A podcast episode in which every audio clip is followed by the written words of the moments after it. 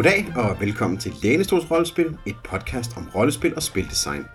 Vi kigger på nyt og gammelt rollespil og taler om de emner, vi synes er mest interessante. Og i dag taler vi om Delta Green, scenariet Music from a Darkened Room. Jeg hedder Oliver Nøglebæk, og med mig for at diskutere bogen er... Morten Greis Elias Helfer. og Nis Bakkesen.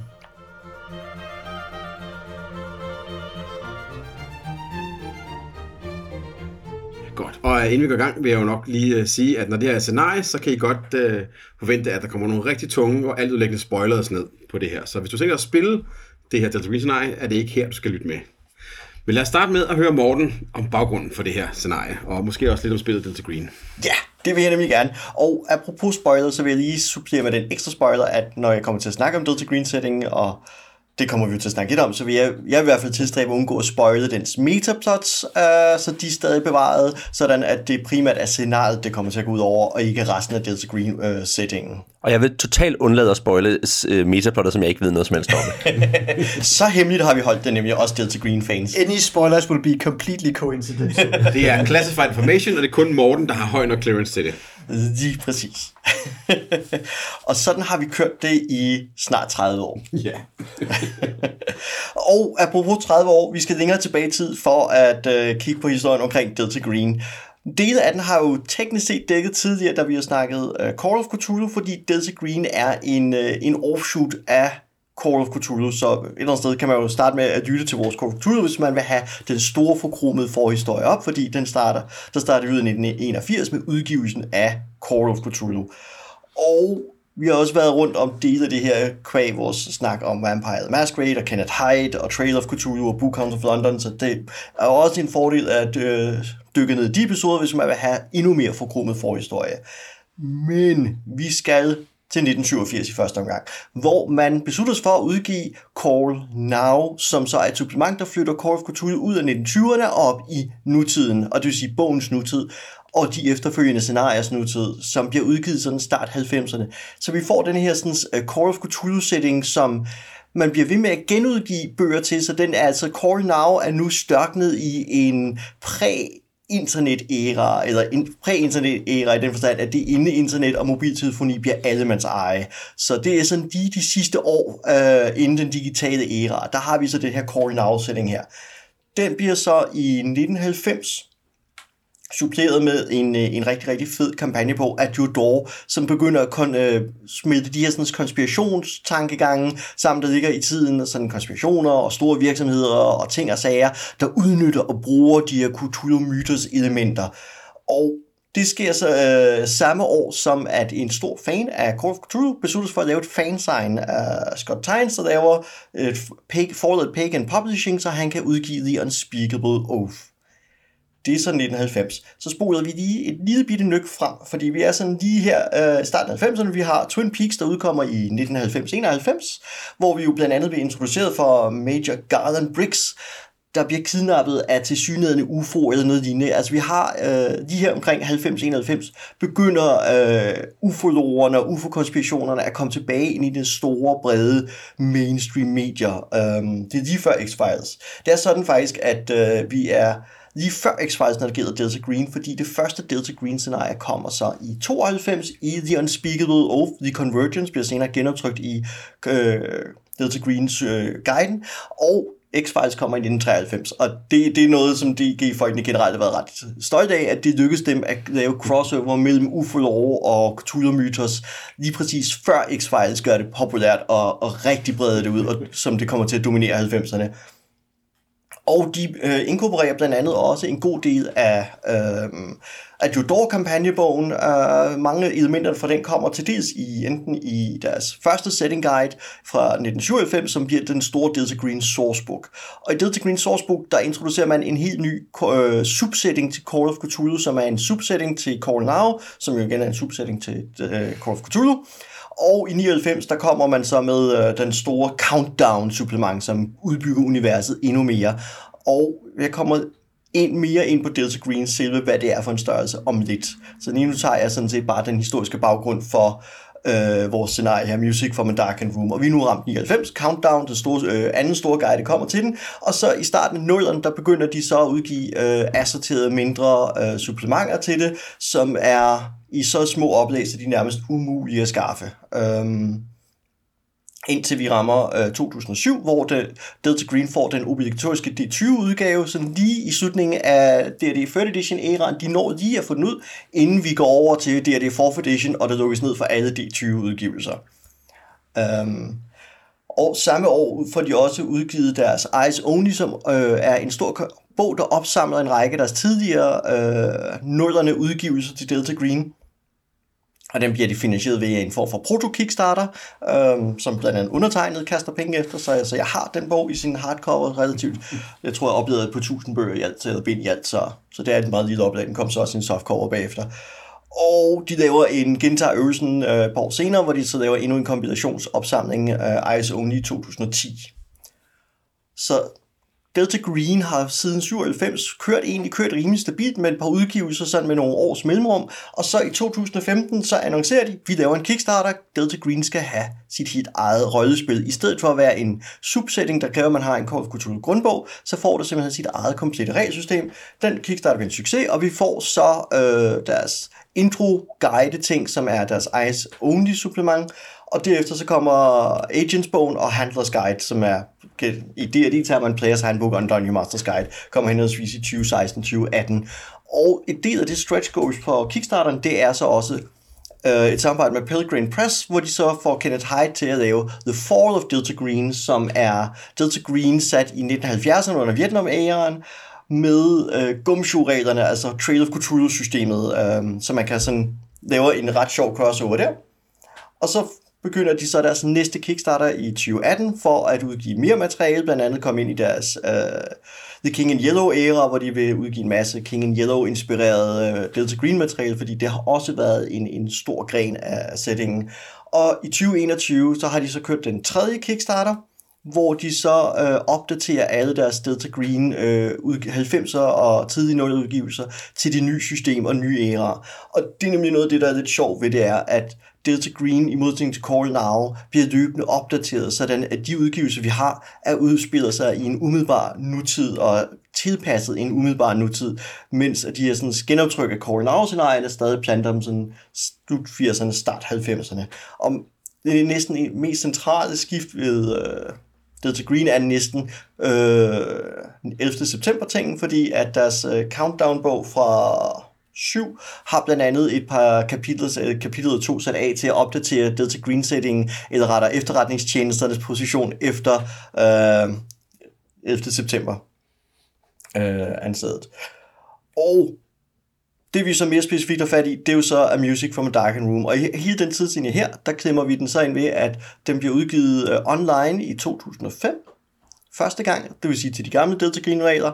Um, og så bliver den så udgivet i forbindelse med Kickstarter. Den kommer den først som scenarie 2017, og det er de her sådan, moduler, ligesom gamle klassiske D&D-moduler, sådan tynde hæfter på en 10-30 sider, med lige akkurat nok materiale til at køre scenariet. Og så er den så i 2018 blevet udgivet i en antologi sammen med andre scenarier.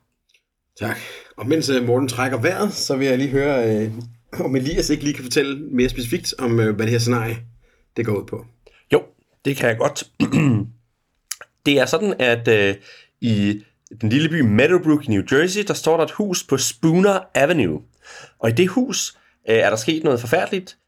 FBI Special Agent Arthur Donnelly har skudt sig selv, eller han, eller, øh, undskyld, han har ikke skudt sig selv, han har fået skåret halsen over.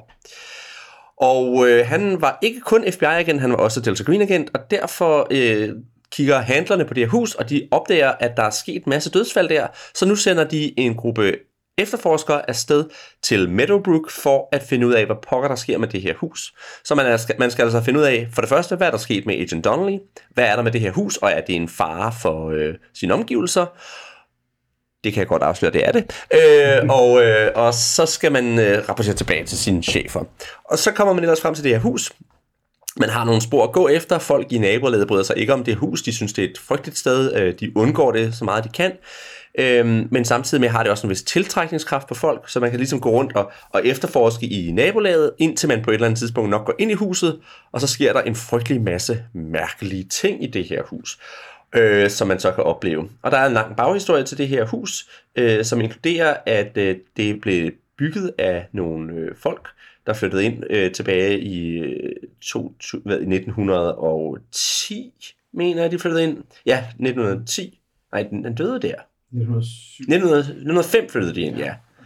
Øhm, og så øh, på et tidspunkt efter mandens død, øh, så flytter der en gammel italiensk øh, kælling ind, en crone ind sammen med, øh, med konen her, og pludselig så kan hun gå igen efter at have været lam. Det var dog mærkeligt. Indtil øh, hun til sidst, øh, så flytter øh, den italieneren ud, og øh, pludselig så kan, den, så kan kvinden der ikke gå igen. Det er meget mærkeligt, og så dør hun. Og siden da har der været en helt stribe dødsfald i huset. Jeg kan vidste, hvad der sker. Og jeg kan sige sådan, at der er et, øh, et, et meget mystisk navn, som jeg aldrig har hørt før. Ni Lath Otep. Det navn har vi ikke hørt før, som er involveret i, hvad der foregår her. Så det er altså sådan en, en, et, et, et typisk mysterie, hvor der er sådan en spøgelsesagtig historie, der så binder tilbage til noget Cthulhu-mythos. Og det skal man så efterforske, og så finde ud af, hvad man gør ved det. Og jeg tror godt, jeg kan afsløre, at en af løsningerne, den mest oplagte løsning, det er at øh, lave et ritual, der kræver et menneskeoffer. Og så kan man så, så, kan man så tykke lidt på den. Ja. Ja, og øh, Nis, hvordan øh, får man så øh, serveret det her scenarie? Ja, altså øh, den udgave, jeg har læst, er jo pdf-udgaven, men jeg går ud fra, at den ser nogenlunde lige sådan ud i sit øh, fysiske, øh, i, i den fysiske format. Det er en, øh, som Morten var inde på, de laver de her moduler, det, så det, det er et relativt sådan let øh, modul på en øh, små 30 sider, eller, øh, eller godt, godt 30 sider hedder det vist nu. Øh, øh, med, øh, hvad hedder det, ja, med beskrivelser af det her hus, husets historie, øh, øh, dem, der, øh, dem, der har boet der gennem deres tid, og hvordan de, de er kommet af dage på forskellige måder. Øhm, øh, kort over huset og gennemgang af de hændelser, man kan komme, øh, kan komme ud for derinde. Øh, gennemgang af, hvad hedder det, nogle af de øh, folk, øh, som øh, man som Delta Green agenter vil, vil støde på, netop sådan naboerne, byens øvrighedspersonerne her i Meadowbrook, øh, de lokale kontakter, som Delta Green jo har, blandt andet en antikvar og en parapsykolog og, og andre af den slags øh, øh, gode folk at have ved, ved hånden, når man, øh, når man skal undersøge det, øh, det mystiske. Den er, det er sådan relativt øh, straight up, sådan dobbelt kolonner, masser af tekst der, derudaf. Ikke sådan voldsomt mange illustrationer, øh, og ikke... Øh, og, ja, og de illustrationer, der er, de er, altså, øh, de er sådan svagt stemningssættende, men har ikke sådan specielt bundet op særlig meget på scenariet eller sådan noget. Det er ikke sådan, at man har et, øh, man, man har ikke et billede af hver eneste af de her karakterer, for eksempel, som man ligesom kan fortælle folk, sådan her ser de ud og så videre. Der er heller ikke øh, i den her udgave, sådan, der, der er ikke specielt mange handouts eller sådan nogle ting af sager. Så der er for eksempel sådan noget som, der bliver refereret til en dagbog og så videre. Det må man ligesom genfortælle, hvad der står i den. Der, er ikke, der kommer ikke noget øh, handout øh, til, til den slags ting af de breve, man måtte finde og, og, og sådan noget. Um, men um, men altså, men, men sådan rimelig straight læsbart. Øh, ikke, ikke de store, øh, Øh, ikke de store digidarer, hverken den ene eller den anden måde. Meget, hvad hedder det, meget sådan faktuelt. Der er ikke, der er ikke sådan øh, sønderligt sådan stemningsprosa eller, eller sådan noget andet til ligesom at, at sætte, hvad det er, udover sådan lidt en indledende, hvad kan man sige, hu, scenariets eget pitch, det der ligesom står på bagsiden, det her, like, just like people, places can go wrong der, den starter lige sådan en indledende stemningstekst til ligesom at sige, okay, det her det er et, handler om et dårligt sted, det handler om haunted house-genren, det handler ikke om en kult eller dårlige mennesker eller øh, et monster som sådan, eller hvad man skal sige.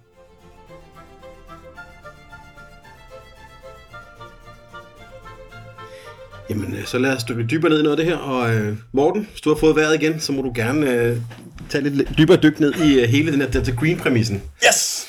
Jeg har heldigvis fået vejret igen, så nu kan jeg fortsætte. Og derfor tager jeg en monolog mere. Nej, øhm, kort og langt fortalt. Delta Green er en subsetting til øh, Call of Cthulhu Call Now, som sagt. I klassisk Call of Cthulhu, uanset tidsalder, så er man en gruppe af investigators, som enten er sådan sagesløse civilister, der støder på noget mystisk, eller uh, semi-professional adventures D&D-style, afhængig af, hvordan den enkelte gruppe vælger at spille deres Call of Cthulhu. Men Delta Green stiller sig op og siger, hvad nu, hvad med... Øh, hvordan ser det ud i forhold til myndighederne og Cthulhu-mytosen. Fordi i Shadow over Innsmouth-historien, der sutter det hele med, at myndighederne stormer byen, øh, arresterer alle og, og, og begraver sagen og, og og så videre. Og det vil sige, det her altså, i, altså med så mange FBI-agenter og andre øh, folk involveret i øh, Shadow over Innsmouth, så må myndighederne skulle vide, hvad der foregår. De må have en idé om, at der sker ting derude, og de må efterlade nogle spor. Hvordan er hvorledes med ekspeditionen til Antarktis, med de byer, de finder, de forskningsrapporter, der kommer derfra, så ikke? de må efterlade spor. Så det er det, som Delta Green beslutter sig for at beskæftige sig med, så den bygger en verden op, hvor man til at starte med simpelthen har et departement, der håndterer de her mærkelige sager.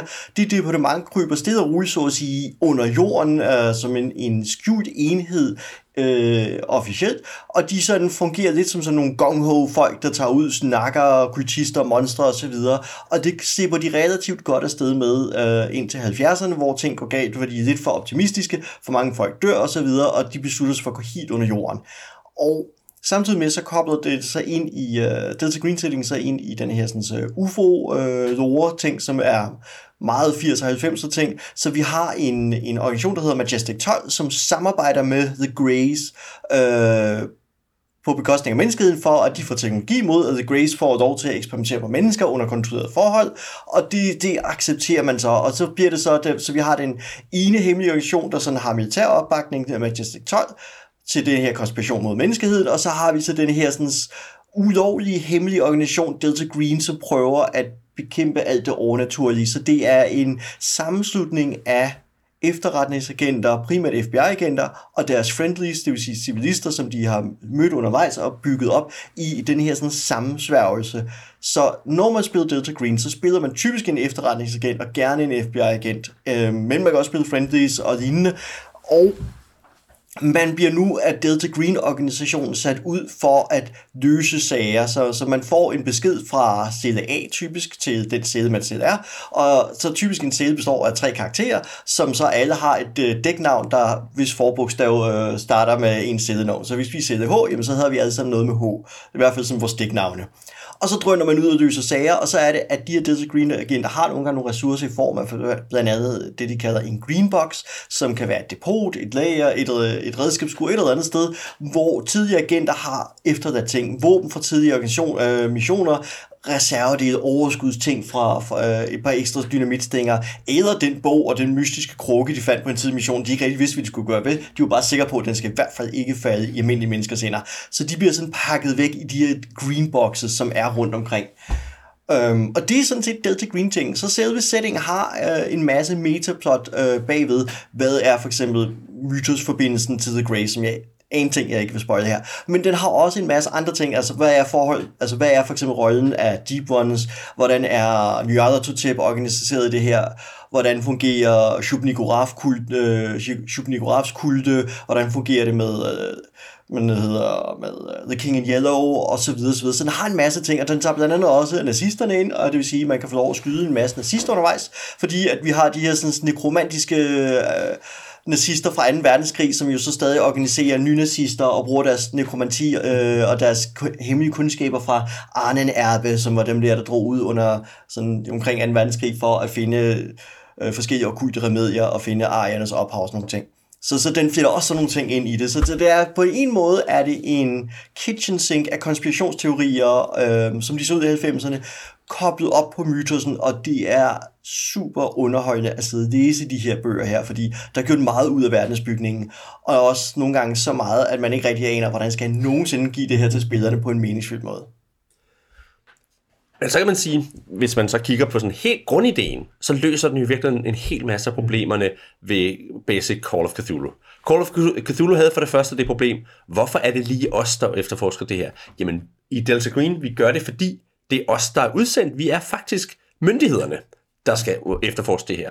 Så kommer næste spørgsmål, hvorfor ringer de ikke bare til politiet? Jamen det kan vi ikke, fordi vi er faktisk en undercover, øh, ulovlig governmental institution, der faktisk øh, overtræder vores beføjelser som, øh, som, øh, som, hvad hedder det, som, som ordensagenter eller som FBI-agenter lige nu, så derfor skal vi helst ikke have nogen, der skal opdage, hvad det er, vi går og laver.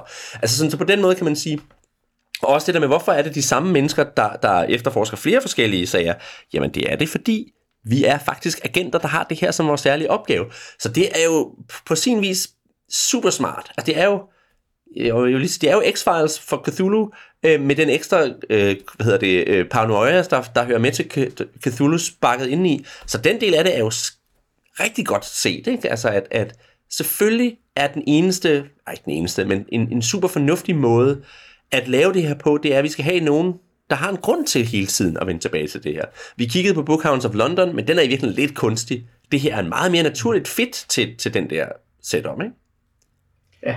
Den er, hvad, hvad kan man sige, man kan i hvert fald bedre, man kan sådan ligesom bedre globetrotte og den slags, så man kan bedre blive hævet ind i alt muligt øh, fra det ene ende af, af, af USA i hvert fald, eller hvor man nu har sin jurisdiction til den anden med det her sådan øh, myndighedssetup, end man kan med Bookhound of London. Jeg, vil, jeg, jeg synes nu egentlig, Bookhound of London, jeg, jo jo, den er tænkt, men, men, men den er også meget god til at sige det der med, okay, der, der er ens, hvorfor går man ikke til myndighederne? Det gør man ikke, fordi vores virksomhed er halvfordækt og så. Altså, så den, den løser nogle af de samme ting, men, men det, det her er klart et oplagt take. Og også det der med, at jamen et er, altså ja, med den der, for, hvorfor går man ikke til politiet? Sådan, ja, ja, et, vi, vi gør noget fordækt, men det er også sådan lidt, selv hvis vi, altså selv i det omfang, vi ligesom kan hive, kan hive folk ind øh, og sådan noget, så, så er det også lidt, så bliver det også bare noget, vi skal containe, så man ved også godt, at det ikke ligesom, det er stadigvæk også der står med aben bagefter, selv hvis vi får nogle andre til at hjælpe os. Ja, det er enormt, det er et enormt interessant spændingsfelt mellem det der med, med autoriteten, fordi det er sådan en push-your-luck-mekanik i forhold til, hvor meget du flasher dit badge som den Green igen, fordi jo mindre du gør det, jo mere safe er du for, at nogen ringer til din reelle chef øh, i FBI og klager over, hvordan du opfører dig. Men det er jo også ret effektivt lige at kunne sige, vi kommer fra myndighederne, du skal gøre, hvad vi siger. Um, så det, det det er enormt, sådan en enormt fed øh, spændingsfelt, man opstiller i forhold til spillernes agency, og hvor muligheder de har. Øh, uden at der, uden det kan stikke af i nogen særlig retning, men de, de er helt suicidale, ikke? Og så, så er der jo også det ved det, at i, i Bookhounds of London, at tænker jeg, det er lidt svært lige at få ny spiller, spillerkarakter ind, hvor man kan sige, med, med det her setup, hvis nu der er en af spillerkaraktererne, der omkommer, og det er ikke usandsynligt, så får vi en ny person ind i cellen, fordi der er nogen længere op i systemet, som siger, nu assigner vi lige en ny agent H3. Mm-hmm. Altså, så på den måde er der også du ved, det er ikke lige så meget, det er ikke det der med, at man lige går ned på den lokale pop, og så siger man, hej, er du også interesseret i at efterforske Cthulhu? Ja, det er jeg også. Fedt, lad os gå videre. Altså, der, der er en, en mekanisme til at få nye karakterer ind, der gør, at det kommer til at føles. Jo, og selv der kan man sige, det der med myndighederne kommer til at spille. Fordi hvis man nu fik involveret nogen, så er man jo også igen dem, der skal fange de der. Så den der politi, eller den der sheriff i byen, som man tilfældigvis fik hævet ind, nå okay, jamen, Øh, Ja, men du har jo set det her en gang før, så så bliver vi jo ligesom nødt til at involvere dig lidt mere i mysterierne. Altså, så på den måde er, er det sådan meget coherent. I forhold til scenariet, jeg synes, det er, hvad man siger, scenariet er meget fint til at balancere, eller til at præsentere de der situationer, hvor man netop skal balancere sin, hvad hedder det, øh, sin, ja, hvor meget jurisdiction, hvor, hvor, meget, hvor meget man ligesom vil presse, at man, øh, man kommer et eller andet sted fra. Og det er også, og fordi man jo også, man i virkeligheden kan komme, man behøver ikke være FBI, man kan også godt være US Marshal, eller kom, altså, så er scenariet også en dejlig væg om, hvad for noget jurisdiction man har, og det kan det også være, netop fordi, ja, du har kun lidt brugt det til at vifte med, men det er sådan lidt ligegyldigt, altså, fordi du skal bare overbevise folk om, at du er official. Uh, men, men, men, men hvad det uh, agency egentlig kan, er sådan lidt ligegyldigt, fordi det kan du aldrig rigtig, eller sjældent komme til at trække. Ja, det er det. Men det er så til gengæld, altså det er meget sjovt, at scenariet bruger nærmest ikke noget af, hvad kan man sige, så hele det der metaplot. Altså det nævner lige kort, hvad kan man sige, det nævner kort noget Cthulhu-myter, øh, uh, som, uh, ja, som du var inde på, så kan de ikke finde ud af at stave til Njala Tosep, men, uh, men det er også sådan cirka, cirka så tæt, uh, vi kommer på det. Um, at det synes jeg måske godt kan, kan sådan overraske lidt i forhold til, hvor meget, det er lidt, jeg har sådan læst Delta Green, men, men hvor meget netop hele den der sådan, hele deres øvelse med at få alle de der konspirationer til at passe sammen, og, øh, og få UFO'er til at give mening med kultur. Altså, at det ikke ligesom er et fast indlæg på en eller anden måde. Men der tænker jeg, at det også handler om, at det her enten er et sted, hvor man begynder at høre om Nyarlathotep, eller det er, hvis vi i forvejen har hørt om Nyarlathotep, så tænker man, oh, det er også The Nyarlathotep. Altså, at, at det gør, at det bliver nemmere at slå det ind i en kampagne, at man ikke har bundet det sammen med en masse ting, for det betyder, at så, kan, så bliver det sådan lidt uh, en Rorschach-test, hvor man siger, hvor passer det faktisk ind mm. i det, vi allerede har lavet, eller hvor tager vi det hen herfra, ikke? At det bliver nemt at passe det sammen med alle mulige andre ting, fordi det er relativt sådan står for sig selv, ikke? Jo. Man kan også drage på det til X-Files og sige, at der er story arc episoder, og der er ikke story arc episoder, ja. og det her vil jo så være ordentligt set en ikke story arc episode, for eksempel. Lidt, lidt en filler. Ja. Det, det er ikke nødvendigt. Nej, nej, men, men, ja. ja. Men i hvert fald en standalone episode. Ja, ja. Uh, ja. Jo, og så er lige en ting, jeg bliver nødt til os. En ting, der er sjov ved at være inden er jo også, nu skal man jo ud og sidde det spor jo. Altså, man skal jo holde det her ja. hemmeligt, man skal jo ikke kun afdække og løse mysteriet, man skal jo helst også sikre sig, at ingen andre gør det her, ikke? Så, så der er også en del, der, hvor det bliver fuldstændig legitimt at sige, okay, hvordan destruerer vi sporene her? Vi skal, de der bøger der, vi bliver sgu nødt til at brænde dem, så de her statuer jæde og eller i stykker og så videre, ikke? At, at der er sådan en, en ja. anden tilgang til det. Altså i Coral, der, hvis man ødelægger ting, så er det mere af nødvendighed, ikke? At sige, okay, de skal helst ikke lige gennemføre det ritual, så ødelægger vi, vi statuetten her. Men den der bog, den tager jeg jo med hjem og studerer. Men i Delta Green er sådan et, det er sgu nok bare bedst, vi brænder det her af, altså. Lad os bare gøre det. Jeg tænker også, en anden lille forhold ved, ved, ved Delta Green, det er, at det er lidt nemmere at gå op på de der pult, øh, eller nej, ikke pult, øh, pulp, øh, klimakser, hvor man står med raketkasteren. Det er lidt nemmere at skalere fra at være FBI-agent og få fat i en raketkaster, når man er en bibliotekar og en uh, dilettant og en uh, racerbilskører. Ikke? Hvor får I den fra? Det ved vi ikke, men, men FBI-agenter, de har sgu nok et sted, de kan ringe til nogen, som kender nogen, der ved, hvor man får sådan noget. Eventuelt har vi en green box lige herovre, lige du uh, kan kigge Eller muligvis er det derfor, vi også har en ven i Bureau of Alcohol, Tobacco and Firearms. Han er flink. Fordi øh, han, han tabte. Men, men i, vir- i virkeligheden synes jeg, at det er også der, hvor, hvor det bliver nemmere at undgå det der pulp. Ja. Fordi, fordi det der med, når du har en, en sådan en eller anden en flapper, hvad hedder, hvad, hvad hedder de, en, en, sådan en, ja, sådan en flapper, ja. mm. som kommer rendende med en Tommy gun, øh, og, og så kommer der en, en, en bums øh, løbende efter med en, med en granat, og, altså, så, er det, så er det svært at få det ned på der, hvor vi faktisk er almindelige mennesker igen. Ja. Men man kan godt se for os, okay, jeg er faktisk en eks-militær FBI-agent, så jeg kan godt finde ud af at håndtere de her skydevåben. Plus, at vi kan ikke bare gå, gå græsat til slut, fordi hvis vi gør det, så kommer, øh, så kommer der nogen og, og, og putter os ind i et salatfad og kører os væk og siger, hør her, I er altså gået off the ministry her. Øh, mm. det, altså, at, at, at det er nemmere at både at få de der actionscener samtidig med, at spillerne hele tiden ved, der er en konsekvens. Ja fordi ved at i, i, ja. I klassisk kort har du meget høj grad udskrevet myndighederne ja. på godt og ondt, ikke? Altså, øh, for at, kunne, for at kunne spille det. Ja. Ja. Jo, og man kan også sige, at i klassisk call, der har du netop allerede gået ud over din karakteres grænser i det, du trækker det der våben. Mm-hmm. Hvor at her, der er, ja okay, jeg kan godt trække våbnet, jeg kan da også godt skyde en, og stadigvæk være min karakter. Og dermed putte våbnet tilbage, og sige, okay, men fint, så gjorde jeg det, men vi behøver ikke brænde hele bygningen ned, eller vi behøver ikke ligesom øh, jævne ting med jorden. Jeg synes jo selvfølgelig, det er interessant at se, at det er jo skrevet ind i scenariet. For det første, jo, du, der er ikke et shootout i slutningen af det her scenarie. Det, det kan der ikke være. Det man kan gøre, det er, at man kan, og igen nu spoiler vi scenariet, det har vi sagt, vi gør, man kan brænde huset ned, og hvis man gør det, så får man at vide, at efter et par måneder, så får man at vide, så starter det faktisk forfra igen. Ikke? Og, det, og det er jo det er jo også noget af det der med, hvor, hvor, hvor Cthulhu bliver pulp, det er der, hvor man siger, og vi klarede det med, med firepower. Det kan man ikke her. Du kan kun klare det ved at gå ind på præmisserne og blive korrumperet selv. Og en ting, øh, som særligt som den øh, nye udgave af Delta Green så også har med, som vi så ikke har været så meget inde på, det er jo så også, at man begynder at have mere familie med. De har taget fra Trail of Cthulhu det er idé med, at ens sanity er knyttet til nogle bånd, mm. til mennesker, til øh, organisationer, personer, ting man kærer sig om. Og det gør man også her.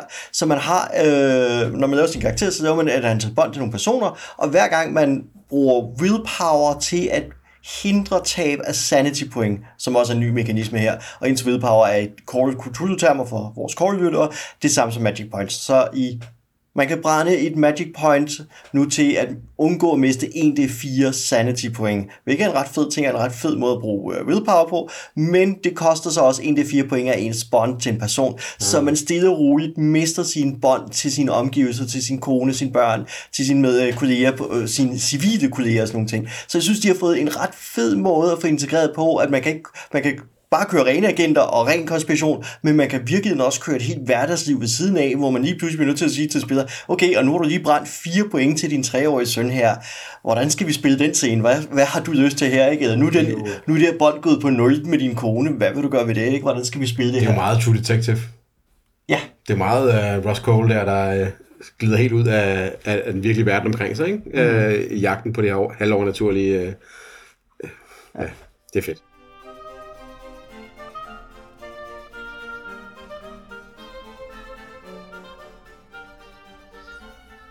Yes. Og så vil jeg gerne høre uh, lidt mere om uh, den her specifikke genre for det her scenarie, Elias. Ja, fordi det er jo et, øh, et haunted house mysterie, og det, det kan man sige, dem har vi jo set mange af før. Øh, et af de mest sådan en af dem, der har været med til at starte en genre, eller ikke været med til at starte, men en meget klassisk en, er jo The Haunting of Hill House, men der er jo en hel masse af det her, den her type, øh, hvad hedder det, øh, historier. Man kan også sige, hvis man spiller brætspil, så er der jo også øh, Betrayal at the House on the Hill, som er en hel kasse fyldt med den her type mysterier, hvor vi har et hus, der er gået, der er blevet ondt på en eller anden måde, der er et eller andet i det her hus, og, øh, og øh, så er der nogle øh, typisk lidt optimistiske folk, der går ind, og det går dem sjældent rigtig godt. Som regel så øh, ender det med, at der højst er en, måske to, der slipper ud igen. Ikke? Og det kan, den, kan, den kan tage mange forskellige former. Nogle gange så bliver folk paranoide og slår hinanden ihjel. Nogle gange er det huset, der går amok og slår dem ihjel i, hår i blodet, og jeg skal komme efter jer. The Shining er jo sådan set også et eksempel på den her, på den her genre. Øhm, altså Ondskabens Hotel på dansk. Så det er jo sådan en kendt genre, og det her er et, et indlæg i, i den genre, og det er sådan set, altså det er jo en virkelig sådan middle of the road eksempel på, hvad, det her, hvad der er i den her genre. Ikke? Altså du har et hus, der er sket en masse onde ting i det her hus, og det gør, at der er ligesom sket en, en række onde, onde ting, og når, det betyder, at når vores helte kommer ind, så bliver de udsat for en masse ting. Og det er der, hvor man kan sige, den, det, det, det, hvad hedder sådan noget? I det her eksempel, der, falder det ligesom i tre faser, eller tre akter. Der er første akt, som er, vi er ligesom uden for huset, måske går vi lige ind og ser og oplever en eller to lidt mærkelige ting, men så ellers så spørger vi folk udenom, og vi, op, vi hører ligesom om alle de ting, der er sket, om alle de dødsfald, der har været der, og alle de ting, der er sket. Så kommer vi tilbage, måske om natten, måske alene, og så begynder huset ellers at, øh, at hamre på os med alle de her mystiske ting, og til sidst så skal vi tage et showdown, hvor vi enten dør, eller overkommer huset.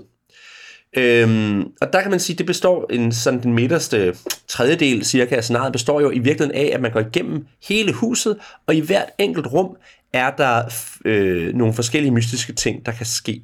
De mystiske ting, de er så inddelt i, hvis man er høj power, altså det vil sige høj psykisk modstandskraft, hvis man er mellem øh, psykisk modstandskraft, og hvis man er lav mystisk øh, modstandskraft, så er der nogle forskellige ting, der kan ske. Og hver af de her ting har så typisk en reference til et af de mennesker, der er døde i det her hus, kan man se, når man så kender hele historien. Ikke? Så kan man sige, okay, det der handler om hende, den der øh, italienske heks, som øh, kommer påkaldt en Nyarlathotep. Det der handler om hende Isabella, som er den første kvinde, der boede i huset. Det der handler om det lille barn, der druknede, og så videre, så videre, så videre. Ikke? Så alle de der øh, mærkelige ting, der sker, øhm, har typisk noget at gøre med nogle af de der forskellige folk, der er døde. Sådan at hvis man oplever rigtig mange af de der ting, vil man kunne ligesom, eller hvis man har efterforsket rigtig godt, vil man kunne begynde at, og ligesom at sætte tingene sammen med, hvad er det, der er sket, og hvem er det, der, der hjemsøger det her hus. Og man kan sige, jeg tænker, at hvis man har en god spilleder og en gruppe, som kan, som kan lide at, øh, at, at lave den her, øh, sådan gå rundt og opleve ting, så kan man få nogle fede timer til at gå med at gå rundt ind i huset. Jeg har to store anker imod det. Det ene er, at jeg synes ikke, der er nok øh, røde sild. Altså det, det hele er, peger ligesom tilbage på, på mysteriet. Og det andet ved det er, at det, det er faktisk rigtig svært at bruge de ting, der sker ind i huset, til noget som helst i forhold til at finde frem til, hvad det er, man skal gøre.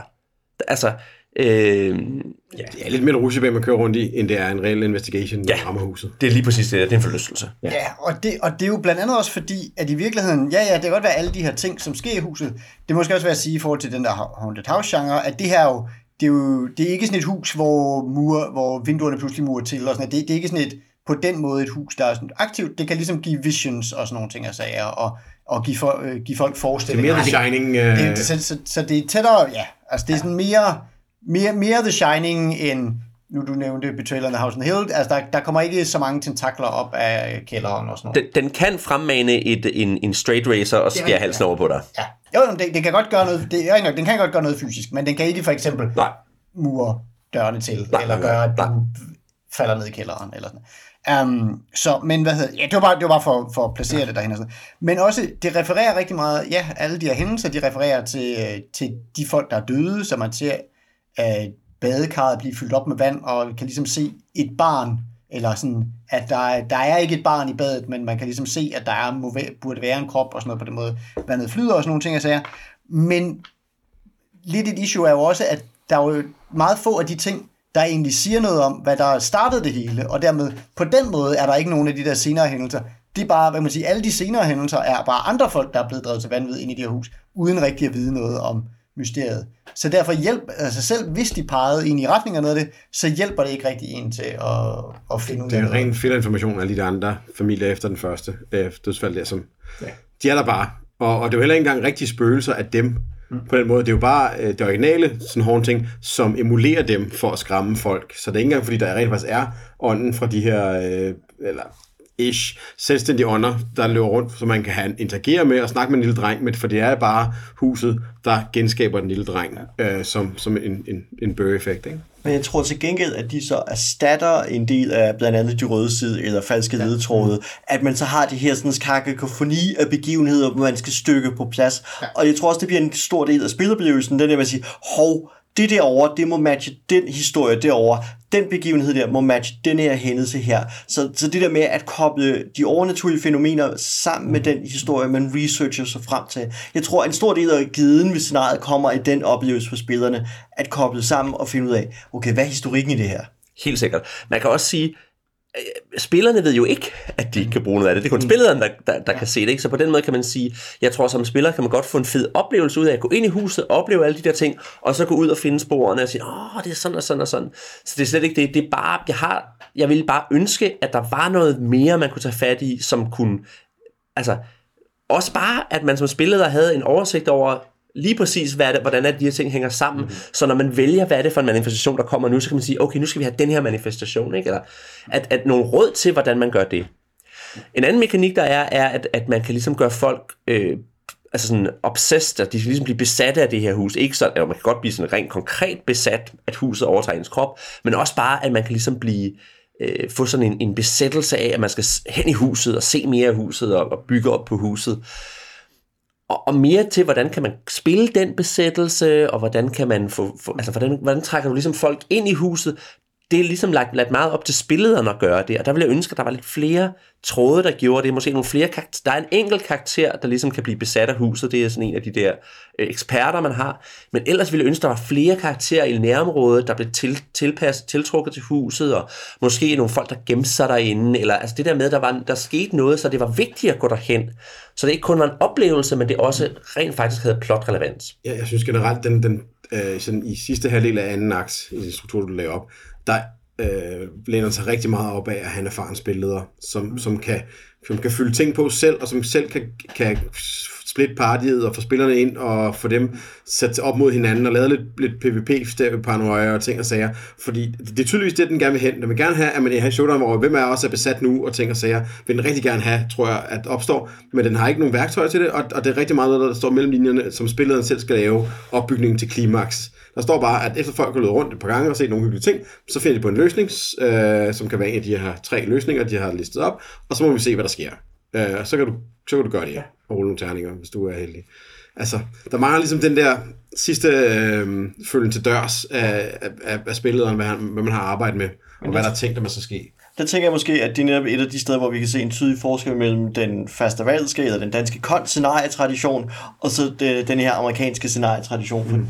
Fordi vi netop med, altså med fastavalg i baghovedet og lignende, jamen, så vil vi jo netop se på, jamen, så er der jo en masse ting til at strukturere, så jeg kan time ting, køre det op over en spændingskurve, følge det inden for en aktstruktur. Altså, et, fast, et velskrevet kontenarie vil jo netop have alle de her ting integreret rigtig fint i sig.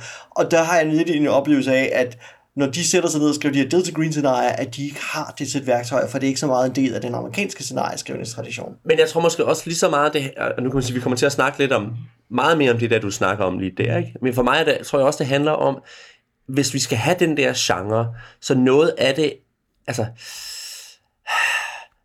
altså jeg, jeg, synes det, jeg synes det er utilfredsstillende, at man i teorien kan løse hele scenariet uden at besøge huset efter en mørkets sammenbrud. Altså, at, at der ikke er jeg vil ønske, der var nogle flere ting, der var ligesom med til at sætte noget tidspres på, og, og ligesom at skrue op for spændingen. Fordi man kan sige, det består, det er virkelig en scenarie, der består af to dele. Det består af en investigation, det er sådan set en okay investigation, mm. og så er der, et, så er der et, som du sagde, det er et Tivoli Ride, en rutsjebane, hvor man kan gå ind og opleve spøgelseshuset. Og det er et fint spøgelseshus. Jeg har bare ikke no, altså der er bare ikke noget i investigationen, jeg kan ikke få noget, fra, noget til investigation ved at gå ind i spøgelseshuset. Og det synes jeg er mærkeligt. Jeg synes, det er mærkedigt, at der ikke er en bedre kobling imellem de to dele af scenariet på en eller anden måde. Ikke?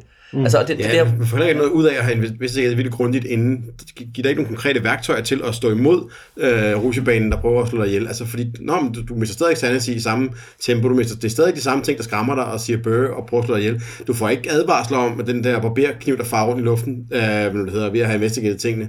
Altså, der er ikke, der er ikke, den var der heller ikke nogen kobling. I virkeligheden sidder jeg og tænker, der er det er en del af scenariet, at, øh, at for at kunne gennemføre det der ritual, som man kan gøre for at få afsluttet det hele, så skal man have sådan en skål, og den er i et stykke møbel, som er blevet solgt, og som er et helt andet sted ude i verden, som man kan gå ud og finde.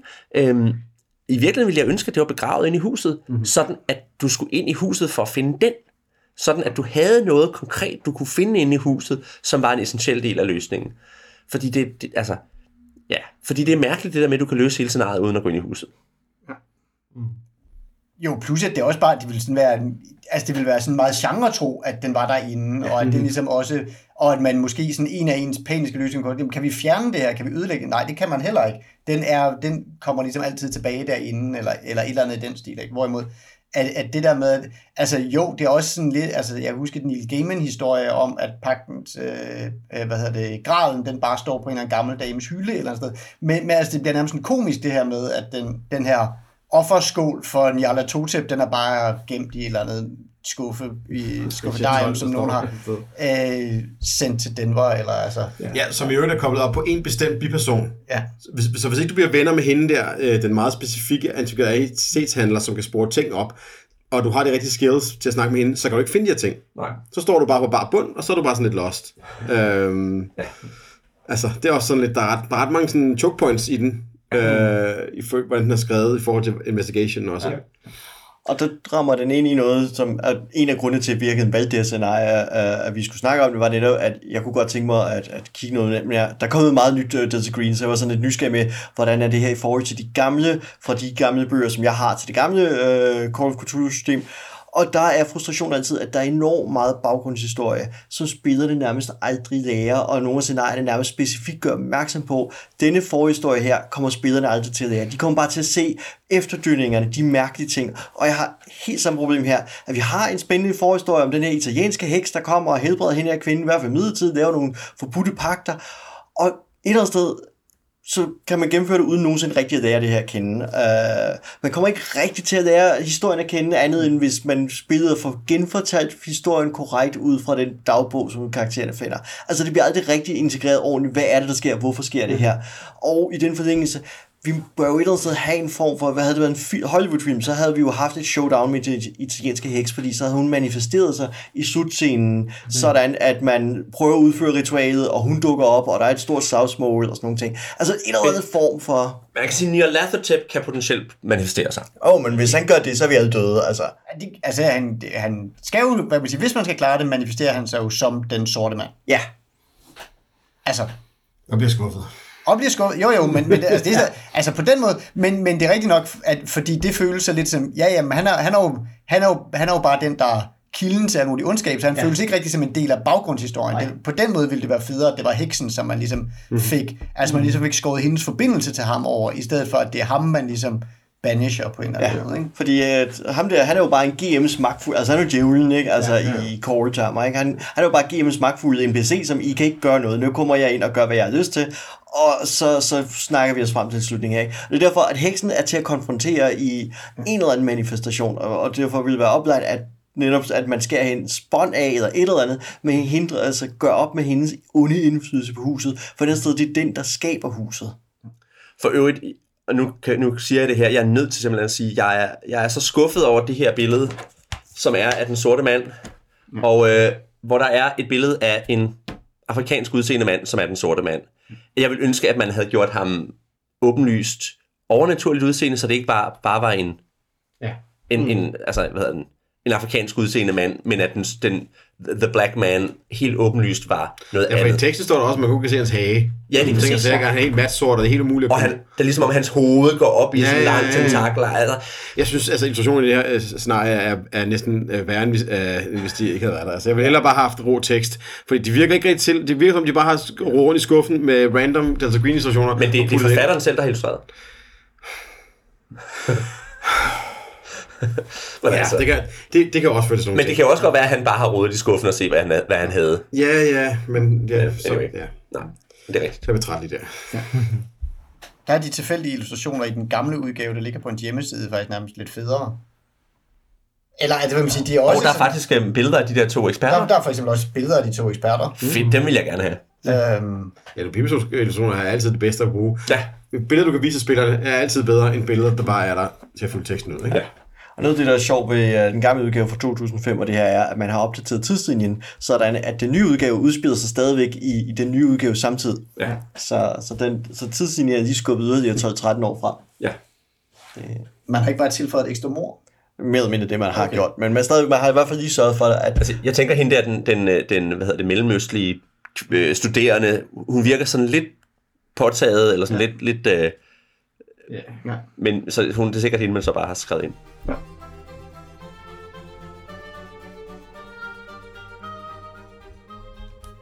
Yes, jamen, øh, så lad os runde af med at høre. Nis, vil du sige noget om øh, formidlingen? Altså, vi var jo nærmest allerede godt i Ja, gang med gang med og, og, og, og random om det, men jeg vil sige, at for, for mig, en, en ting, der ligesom slog mig med det første, det, det var ligesom, det er sådan et scenarie, der er, altså det, det koldstarter meget, eller det, var- det var sådan lidt, hvis jeg skal være sådan rigtig strid, så føles det lidt som at læse en gammel, øh, hvad hedder det, øh, hvad det er, Avalon Hill regelbog, som ligesom bare starter ved paragraf 1.1, og så et eller andet sted nede på 18,3, så finder man ud af, hvad victory conditions for det her er, og, øh, og hvad hedder det, og i 23, øh, 20 paragraf 2, så finder man ud af, hvordan det slutter. Uh, altså, og, og så må man ligesom bare læse derud af, fordi det, altså, det, er ikke, altså, det starter ligesom bare, okay, der er det her hus, det er ondt, det, agenterne får den her ting, men, sådan, men der er ikke sådan en, lige en kort briefing om at sige, okay, strukturen for, for starten er det her, og det består af de her to dele med første investigator. For, for øvrigt, The Big Bad and Your Laughter Ja, altså. Yeah. Um, og hvad hedder det? Um, uh, og, og, og, og tilsvarende med, jamen, som, som du var inde på, når man kommer til huset, og så har man sådan, nærmest en god gammel sådan, øh, ja, sådan dungeon gennemgang af, hvert rum har et, øh, hvert rum har et tal, og så kan man ligesom slå op under det rum, og så kan man se, hvad for nogle encounters er, er der herinde, og så videre. Men der er ikke sådan en, nå okay, det her det er nok sådan, man, man kommer rundt i huset, eller det her det er de centrale encounters, eller hvis du vil øh, sådan spille på de her elementer, så skal du, så skal du se på det her, det her og sådan noget. Um, så, så igen, den, hvad kan man sige, der er sådan de rå data, man skal bruge for at kører det af Haunted House, men ikke rigtig nogen guide til, hvad man vil, hvad man vil bruge det til, eller hvad, hvad den intenderede oplevelse er, eller sådan noget. Og så, som, som Morten var inde på, jamen der er, der er helt sikkert noget af det her, der også bare er sådan en stil, at der er ikke, man siger, der er ikke den her sådan fastvalgt tilgang af, at det her det skal have en dramakurve, det skal eksekveres på fem timer, og, og det her det var min vision, da jeg, da jeg skrev scenariet og så videre. Og det, det var jo ikke sådan, at det behøver at være der, men selv uden det, så kan man sige sådan, bare sådan al, almindelig sådan, hvad kan man sige, ja, sådan almindelig layout og formidling om, sådan at sige, okay, vi laver lige et indeks over, hvad, der, hvad den her ting indeholder, og, og sådan noget. Det, det, kunne, det kunne hjælpe. Um, Altså, en ting, som frustrerer mig rigtig meget, det, var- det var netop det der, der er en introduktion. De bruger den første side på en introduktion, og det er ren stemning, og der er ingen funktionalitet. Altså, de skriver sådan noget, Doors in 1206 Spooner Avenue stay shut, and no one ever hears a child's laughter at night. In the hours that stretch like taffy after two, no one ever hears music from a darkened room. Og det er selvfølgelig en henvisning til, at, at hende der, der boede der i huset, hun spillede klaver, som man nogle gange hører månelyssonaten. Og det, det, Som i øvrigt ikke har noget med plottet eller noget som helst at gøre. det er bare en Det er ting. bare, der var klaver, og det kan godt lide at, at, Ja. spille stadigvæk, selvom det ikke er der længere. Bare sådan, nej, Men, men, men i stedet for alt det her meget poetiske tekst, så ville jeg virkelig gerne have haft en, en kort gennemgang. Altså, I festivalscenarier snakker man om det, der hedder første sider. Og, og der er festivalscenarier også specielle på den måde, at der også er mekanik og spilpersoner. Alle de her ting er i scenariet, og det vil sige, at man har ligesom brug for en primer i, hvad er det her, det, hvad er det, det her handler om. Men jeg vil stadigvæk gerne have haft bare lige 3, 4, 5, 6 cm, der var. Det her scenarie handler om et hus, hvor øh, en kvinde er blevet øh, bundet ved en nyarlathotep-rite af en gammel italiensk heks, og øh, siden da har, øh, har hun øh, slået en stribe af folk ihjel for at prøve at, øh, øh, at komme sig over sin, over sin manglende whatever, whatever det skulle ikke have fyldt særlig meget mere end den introduktion, der i forvejen er her, og det ville have været meget mere hjælpsomt, for det betød, at når jeg så begyndte at læse det, så vidste jeg, hvad det var, konteksten var. For det er det, jeg mangler hele vejen igennem. Det er konteksten. Ja, det er, man, det er nærmest en investigation i sig selv at læse det her scenarie, når man sidder og læser det fra Ja. til anden. Nå, nå, okay, jamen, det er spændende. Det kan jeg godt se, nu begynder der at ske noget her, når man nu er nogle random, nogle af de her investigation, der bliver Nå, nå, der er møbler, der flyder rundt og ting og sager. Det lyder spændende. Jeg ved, hvad det, betyder senere, øh, og sådan nogle ting.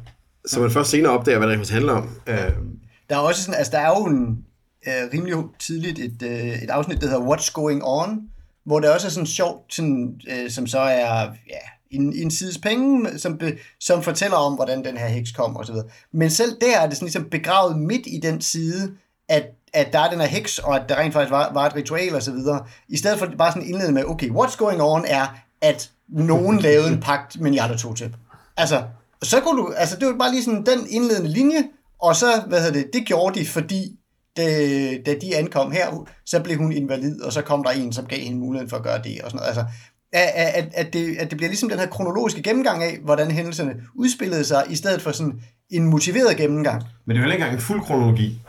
Altså, det kunne man også have startet med at køre sådan en ordentlig sådan, og høre om forskellige familier, øh, beboere i huset, og hvad der skete med dem og ting og sager. Men det er alt sammen også sådan spredt ud, sådan scattershot i de første mange sider, ikke? Sådan tilfældige steder. Og fundet, altså, der var flere, der det lyder spændende, der har været en brand på et tidspunkt. Hvad behandler det om? Men det bliver aldrig rigtig udforsket mere, end at der har været en brand, og det var interessant, og sådan nogle ting og sager, ikke? Og det er sådan lidt, lidt underligt øh, sådan noget råd øh, at læse det. Altså, jeg synes, investigation i sig selv kan sådan være fint nok, øh, og jeg var sådan lidt, jeg læste den igennem, og jeg, det skal nok okay investigation, jeg glæder mig til at se, hvad det betyder i huset. Og så nu er det den der, hvor man skal læse om huset, og så var det bare et katalog over, øh, over hauntings, som ikke rigtig var åbenlyst koblet op til noget, der havde stået i investigation, eller og nogle gange virkelig kom det var sådan, lidt, men det her er bare noget random ting, som, som forfatter synes var spooky, øh, som ikke rigtig passer med nogle af de hauntings, jeg har kunne, eller de skæbner, der har været i huset, som ting og sager. Nej, det er jo det, der er frygteligt scenariet, er, at man skal som GM selv lige afkode det, og nærmest investigate scenariet, før præcis. man kan spille det. Fordi ellers så er det også svært at bygge op og forvarse og, og sådan Ja, nogle og ting. flavor de der scener rigtigt, når spillerne skal stå der og blive bange for den der lille øh, øh, øh, drengesilhuet, der står i vinduet, eller hvad det nu er, ikke? Jeg synes også, og det er sådan en helt anden sag, jeg synes også, der er noget ved layoutet, som irriterer mig. Som er, jeg synes, tingene flyder sammen. De har to niveauer af overskrifter, og, og det er det eneste, de bruger, og det vil sige, at du ved, så er der en overskrift, der hedder, øh, hvad hedder det her? Så hedder de øh, The Green Box. Så er der noget i, der er, hvad der er i den her Green Box. Men, men så kommer den næste, så er der Breaking Out the Badges, så er der pludselig en lille bitte afsnit, der handler om, hvad sker der, hvis man finder dem frem, Asking Around Town, bla bla bla. Så kommer der Further Research, som er et langt, langt afsnit, hvor det i virkeligheden er, hvad kan man så finde ud af om de her forskellige familier, som så går lige over i, at man faktisk skal finde nogle overlevende.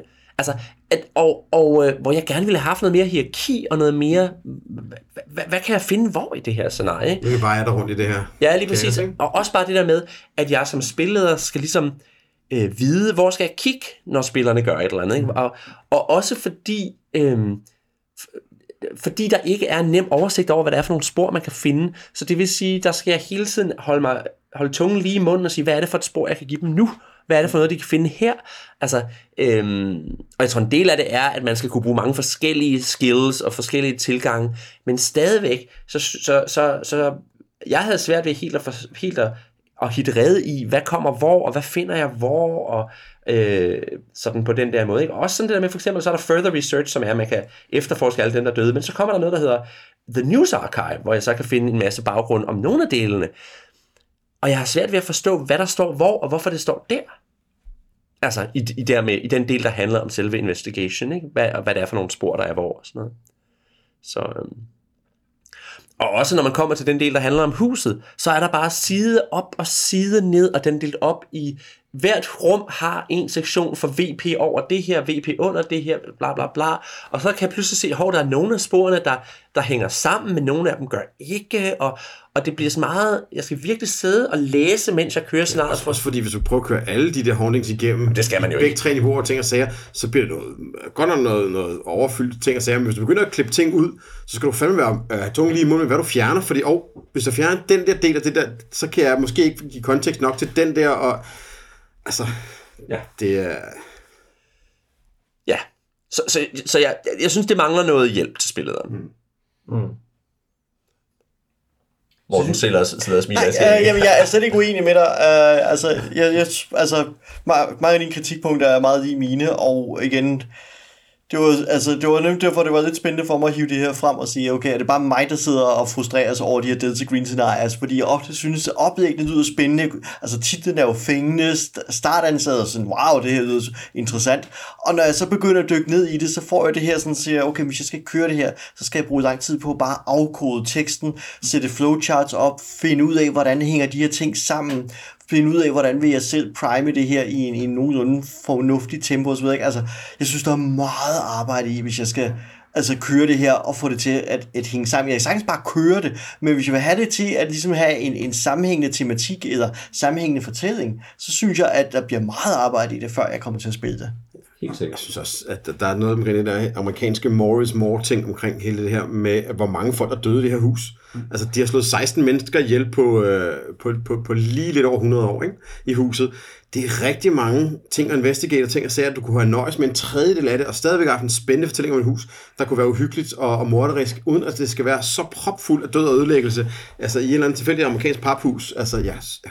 Altså, der skal selvfølgelig nok noget til, før man lægger mærke til, at der øh, Ja, er så der dør mange... så mange amerikanere hele tiden, eller hvad er det? Jeg, jeg forstår det ikke. Jeg synes, det er bare, det, det er bare, jeg har bare set det mange andre steder med de her med genre, at de skal virkelig skrue op for antallet af folk, der, der dør hele tiden, og de skal være meget sådan... Altså man kan sige, jeg tror, det der vil ske i praksis, det er, at man, man at spillerne helt naturligt vil gribe fat i et par stykker af dem, som de så graver sig ned i. Ikke? Øh, omvendt så kan man sige, G, du har en liste på 16, kan vist hvad for nogle af dem, der er de vigtigste, lad os prøve, lad os prøve med, den, med de første. Ja, ja, ja.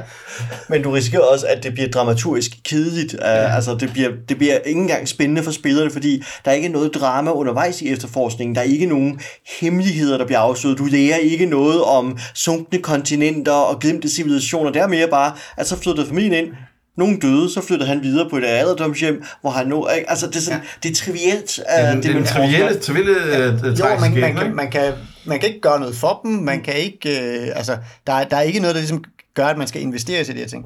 Omvendt, så synes jeg, altså noget andet, der også sådan generer mig lidt, fordi ja, det er, at den har faktisk, altså den har nogle fede ting, der er nogle fede elementer mm. i, som for eksempel, der er den her greenbox, som så tilfældigvis, øh, som jo er en standard ting i, øh, i Delta Green åbenbart, at man, at man kan have dem. Den her Greenbox i Meadowbrook, den er tilfældigvis blevet ind i deres udgave af Pelican Storage, eller hvad det nu er, hvor at der ikke er blevet betalt for, for det, og det er jo, der er jo så en regel om, at hvis, der ikke er blevet, hvis den betaling er blevet misligeholdt et stykke tid, så får ejerne ejeren af deres storage ting lov til at indkassere, hvad der er der. Og det er sådan en del af deres, øh, hvad kan man sige, collateral, øh, eller sådan øh, investering også. Så da man møder op her som Delta Green agenter, så skal man betale for det. Det er sådan en rimelig hamper udlæg. Man kan godt i princippet lægge det ind under sit, øh, hvad man nu kommer fra for et bureau, men så dukker det jo op som en unusual øh, expense på ens, øh, på ens sådan, arbejdskonto, og så skal man pludselig forklare den osv. Og det er, det er en vildt fed sådan konflikt, og sådan, noget. hvor det så igen, den kunne godt gøre mere for ligesom at sørge for, at når man sætter den her scene op, så får man præsenteret øh, spillerne for alt, hvad der er. At det kunne jeg i hvert fald godt, hvad kan man sige, måske hvis jeg var vant til at spille Delta Green, så ville vi alle sammen vide, nå okay, mm. hov, jeg har, altså jeg kan jo altid gøre de her ting, og så videre, så vil jeg ligesom lige kende det, men hvis det her var mit intro-scenarie til Delta Green, så kunne det godt være en fed sådan understregelse af, husk ligesom at, at gøre spillerne opmærksom på, at ja okay, når han, når han stiller sig på bagbenene, så kan du vælge at flash dit badge, det vil nok gøre ham lidt mere, men snart du har gjort det, så er du også derude, hvor du, din betaling kommer sikkert til at foregå på en anden måde. Man kan også bare vælge at smide alle pengene øh, fra, sin, øh, fra sin private konto, men så, som han har sat op, så vil han i virkeligheden godt ståle lidt, fordi hvis, man, hvis han ikke ligesom er blevet krævet, så hvis han bare lige kan, øh, kan ståle den her øh, indbetaling lidt længere, så får han, altså, og der, nu er der nogen, der ikke faktisk vil betale for, hvad der er i det der hus, øh, i, i det der storage ting, så, så kunne det være, så kunne det måske være meget fedt at få fingrene i. Altså, på den måde, hele dynamikken omkring den scene er ret fed, men, men den er igen ligesom serveret på den der sådan meget faktuelle måde, hvor at sikre mig, at jeg får det hele i spil, er sådan lidt svært. Tilsvarende er der nogle af de der baggrundskarakterer, som for eksempel parapsykologen, er, som bare er lavet til at få folk til at gøre det dummeste, man kan gøre i et house. Og han er vidunderligt skrevet med, at, sådan, med, at han giver gode råd om, at ja, hvis man skal i kontakt med ånderne, så skal man nok komme om natten, og man skal ikke være for mange, fordi så de har det bedst alene. Og, sådan, og hvilket bare er sådan, alle de oplæg til, ja okay, gå ned i kælderen og blive nakket alene. Altså, um, men, men, men det er bare fedt, at han, er ligesom, at han bliver introduceret som deres ekspert i byen, så på den måde har man ligesom givet ham noget... Ja, også det, han selv tror, at han er rigtig klog på det, fordi ja. han har læst op på det, han har læst af rigtig mange, han har en kæmpe stor sådan, bibliografi af, af studier af, af Haunted Houses, som alle sammen er meget sådan sammen, giver meget mening, og nemt argumentere for, hvorfor det er sådan. Det er bare en skide dårlig idé i den her genre. Som, ja. Så det bliver sådan, sådan en fin, rigtig fin lille meta-ting, uden at det bliver bong. Ja. Men jeg synes, der synes jeg jo, problemet med begge de to er, at, at grunden til, at vi hiver dem frem, er jo også, fordi det er den eneste rigtige scene, en af de to eneste rigtige bipersoner, der er. Fuldt, altså fuldt beskrevne bipersoner. Ikke? Hvor man kan sige, i virkeligheden synes jeg, det er lidt kedeligt, det er de to eksperter, som sådan set er med os. De ville da være langt federe, hvis det var naboen, eller, eller øh, politi, politisheriffen, eller sådan nogen, der var beskrevet. Og jeg vil også ønske, der var flere rigtige scener. Altså, hvor, hvor, hvor, der kan, hvor man siger, der kan ske det her, hvis du går herover. Altså, fordi det er, det er der i virkeligheden meget lidt af. Ikke? Øhm, der er nogle få familiemedlemmer derude, hvor der er nogle interessante konsekvenser af at gøre det, håndtere det forkert, men det er meget, det er meget sådan, øh, der er sådan mange af de ting, hvor der er, hvor der, er, der, hvor der er sådan et, et anslag, som siger, at hvis de går herhen, og så sker det her, og så er der sådan et follow-up, øh, hvis de gør sådan her, så sker det her. Der er ikke sådan en, en flere forskellige muligheder, ligesom der er med, med det der storage uh, unit, hvor det er sådan en, her er nogle veje at gå i. Det er altid bare sådan, og så, og så i øvrigt, hvis de vælger også lige at kigge uh, under, uh, under tæppet, så sker det her. Øh, det er ikke sådan, altså, at den fører videre i flere retninger. Det er altid bare lige sådan en bonus ting, som er meget specifik, og som tydeligvis handler mere om, at spilleren ved, hvad han spiller plejer at gøre, øh, end, eller forfatter ved, hvad han spiller plejer at gøre, end reelt brugbare tilføjelser.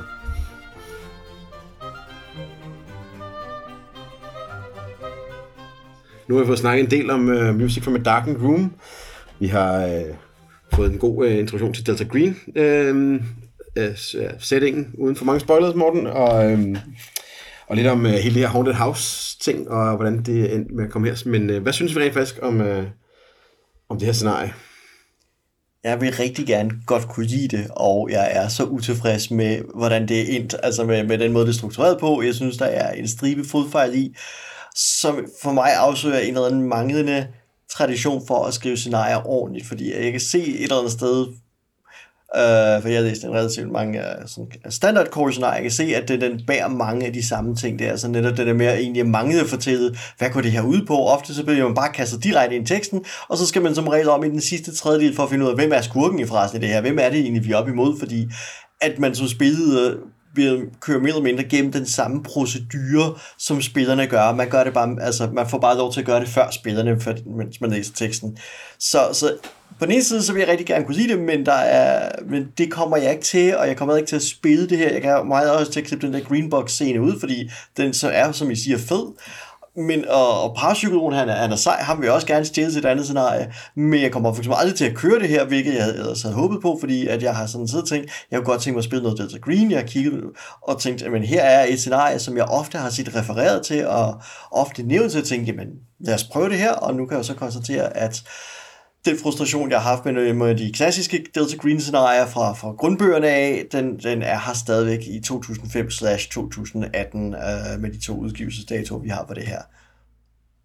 Ja, altså man kan sige, jeg synes, jeg synes der er noget, altså jeg kunne faktisk godt lide at kigge i den der Haunted House del af det, men jeg sad samtidig med at tænke, jeg synes det her det er fuldstændig det, det er virkelig det er pointless på en eller anden måde. Ikke? Og, og det, det er frustrerende, fordi jeg tænker, det kunne være fedt at spille det her, det kunne være fedt at køre, jeg er sikker på, at man kunne få nogle fede scener ud af det, men, men hvis ikke de scener spiller videre imod, at der skal ske et eller andet med de ting, så er det jo så er det bare, øh, du ved, det mindede mig sådan om, om den gang i, i gamle dage på ungdomsskolen, hvor, hvor, øh, hvor man sad, og så spillede man, og i virkeligheden bestod en del af det bare af, at spillederen fandt på fjollede ting som reaktion på det, karaktererne gjorde, og det var i virkeligheden meget lidt plot, man kom igennem. Det er lidt det samme, der sker her, ikke? Der er, jo, der er plot, det er relativt lidt, og det meste af det er bare et Tivoli ride for spillerne.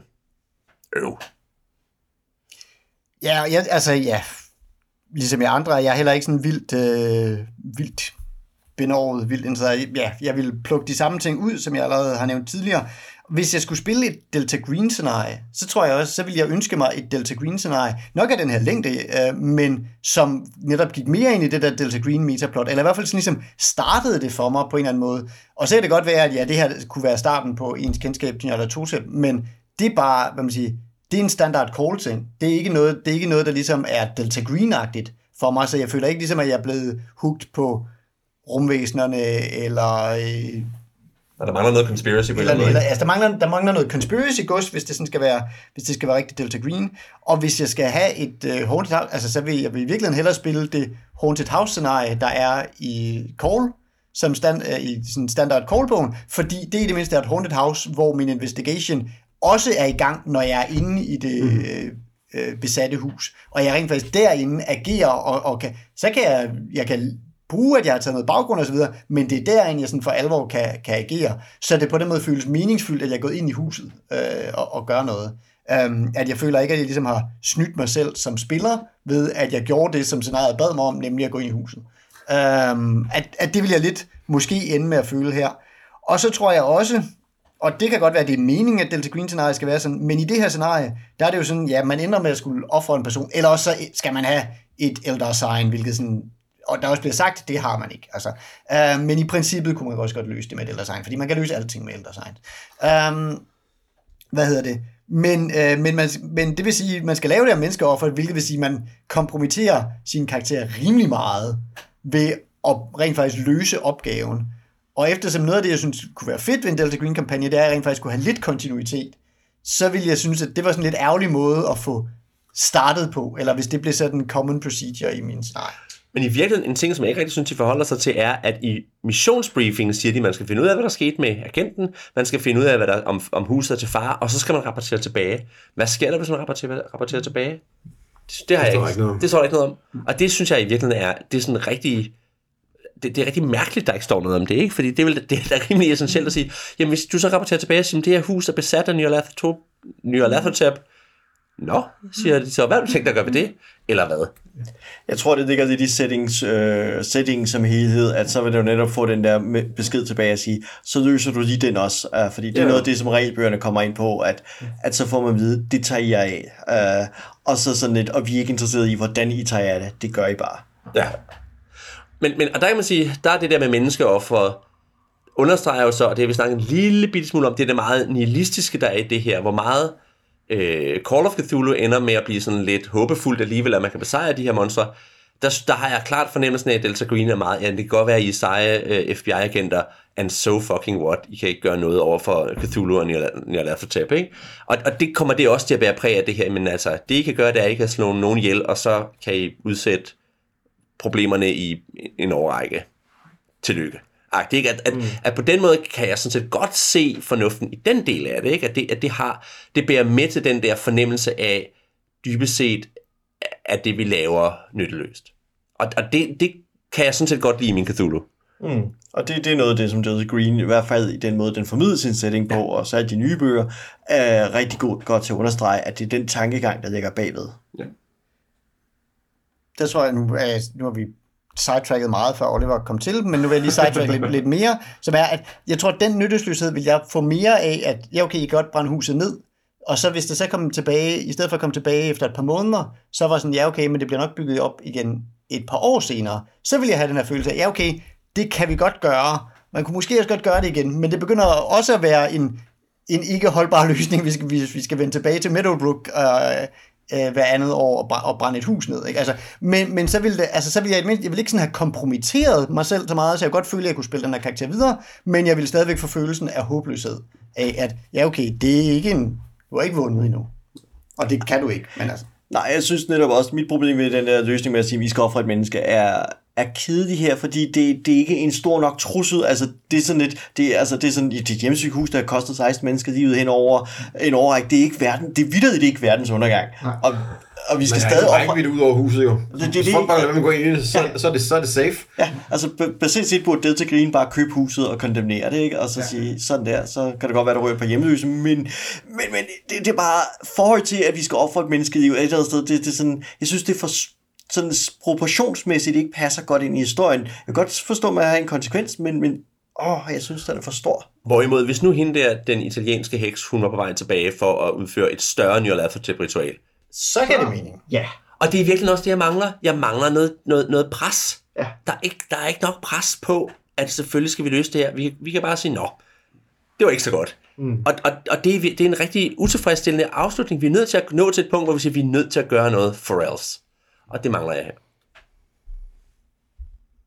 Jamen, jeg har ikke ikke så meget at sige. Altså, for mig, det jeg tror, vi kan se med herfra, udover de ting, som Morten nævnte, det var, at jeg synes, den er ret, øh, den er ret fine eksempler på spændingen med autoritet, øh, som jeg vil tage med til sådan noget som øh, Nice Black Agents, som kører det samme spændfelt, hvor det bare er øh, øh, sådan ex-superstationer, øh, der er op mod øh, vampyr conspiracy i stedet for. Og altså nogle ret fine eksempler i den her på, hvordan man kan sætte nogle dilemmaer op i forhold til den der autoritet, uh, connection, ting og sager, om hvor meget man bruger dem i forhold til sin egen, kan man sige. Men det tror jeg, det eneste, jeg vil kunne tage med ud af det her, fordi det, det er et middel mod Haunted House scenarie, uh, øh, og, og dem har jeg godt nok læst mange af efterhånden. Og, og ja, der, jeg, jeg bliver sgu altid skuffet, hver eneste gang, jeg kommer ned af dem, så altså, ja, en blandt mange, desværre.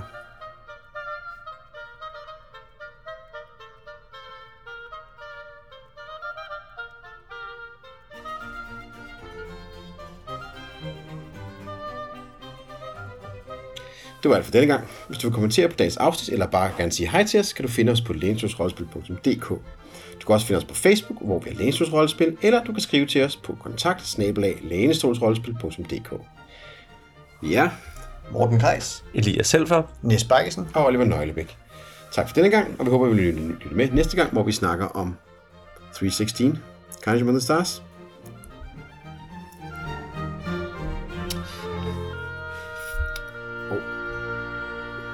Kan I høre den her musik? Elias, hvor er du hen? Morten? Morten?